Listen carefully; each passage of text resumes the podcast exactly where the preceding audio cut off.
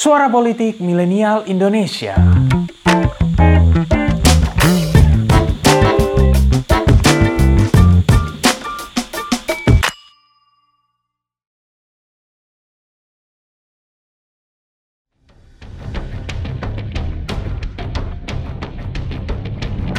Harus diakui, dari ketiga baca pres saat ini, Anies Baswedan yang paling menarik menjadi sorotan mata berita. Tidak seperti Ganjar Pranowo dan Prabowo Subianto yang masih bermain aman.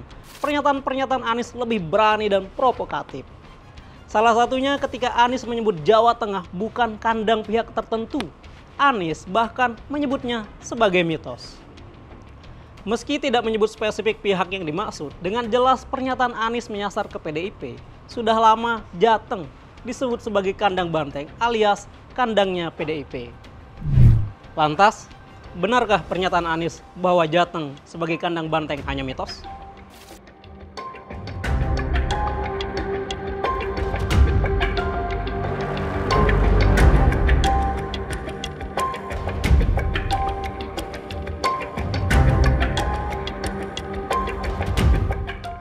Tentu saja pernyataan Anies memantik perhatian PDIP. Ketua Bapilu PDIP Bambang Pacul Wuryanto merespon santai dengan menyebut pernyataan Anies sebagai impian.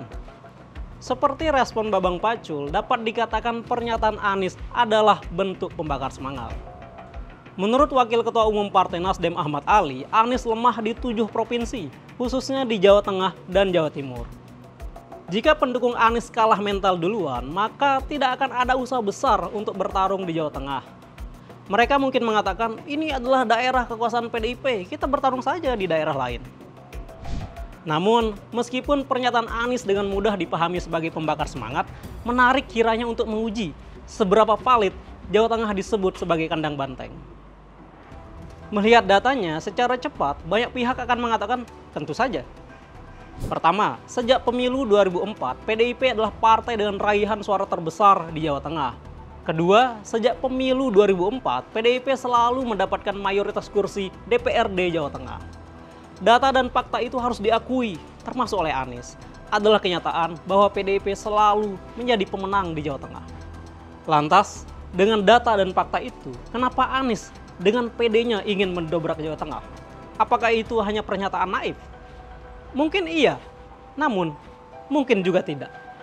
Disebut tidak karena Anies mungkin menggunakan definisi istilah kandang yang berbeda. Dalam benak banyak pihak, yang disebut sebagai kandang politik adalah daerah basis suara. Jawa Tengah telah memenuhi definisi ini. Namun, dalam definisi Anies, yang dimaksud mungkin adalah kemenangan 50% plus 1. Sekarang, kita akan bedah datanya. Pertama-tama harus ditegaskan bahwa data yang digunakan adalah perolehan suara di DPR RI dan DPRD. Kenapa tidak menggunakan data Pilpres? Karena suaranya bercampur dengan suara partai lain.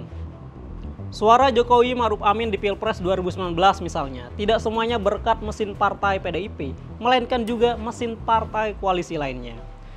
Di pemilu 2004, suara DPR RI PDIP di Jawa Tengah sebesar 4,9 juta dari 22,8 juta di pemilu 2009, 5 juta dari 26,1 juta.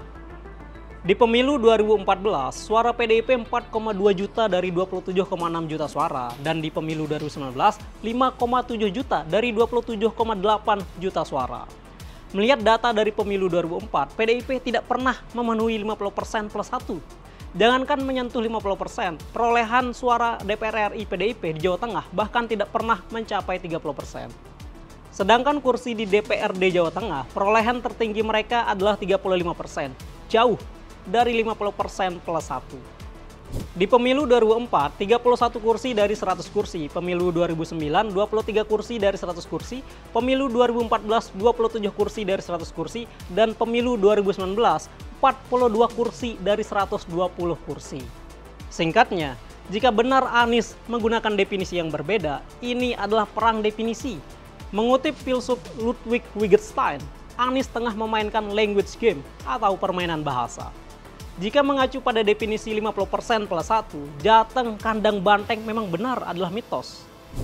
Namun, jika mengacu pada definisi basis suara adalah fakta bahwa selama ini Jawa Tengah adalah kandang banteng. Well, begitulah politik dan permainannya. politik adalah pertarungan persepsi dan bahasa adalah senjata utamanya.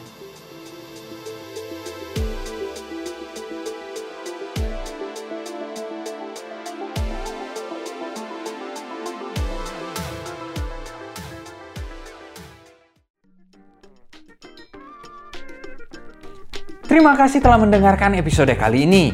Nantikan episode-episode selanjutnya dan jangan lupa untuk kunjungi pinterpolitik.com untuk dapatkan informasi seputar fenomena politik di Indonesia. See you next time and bye-bye.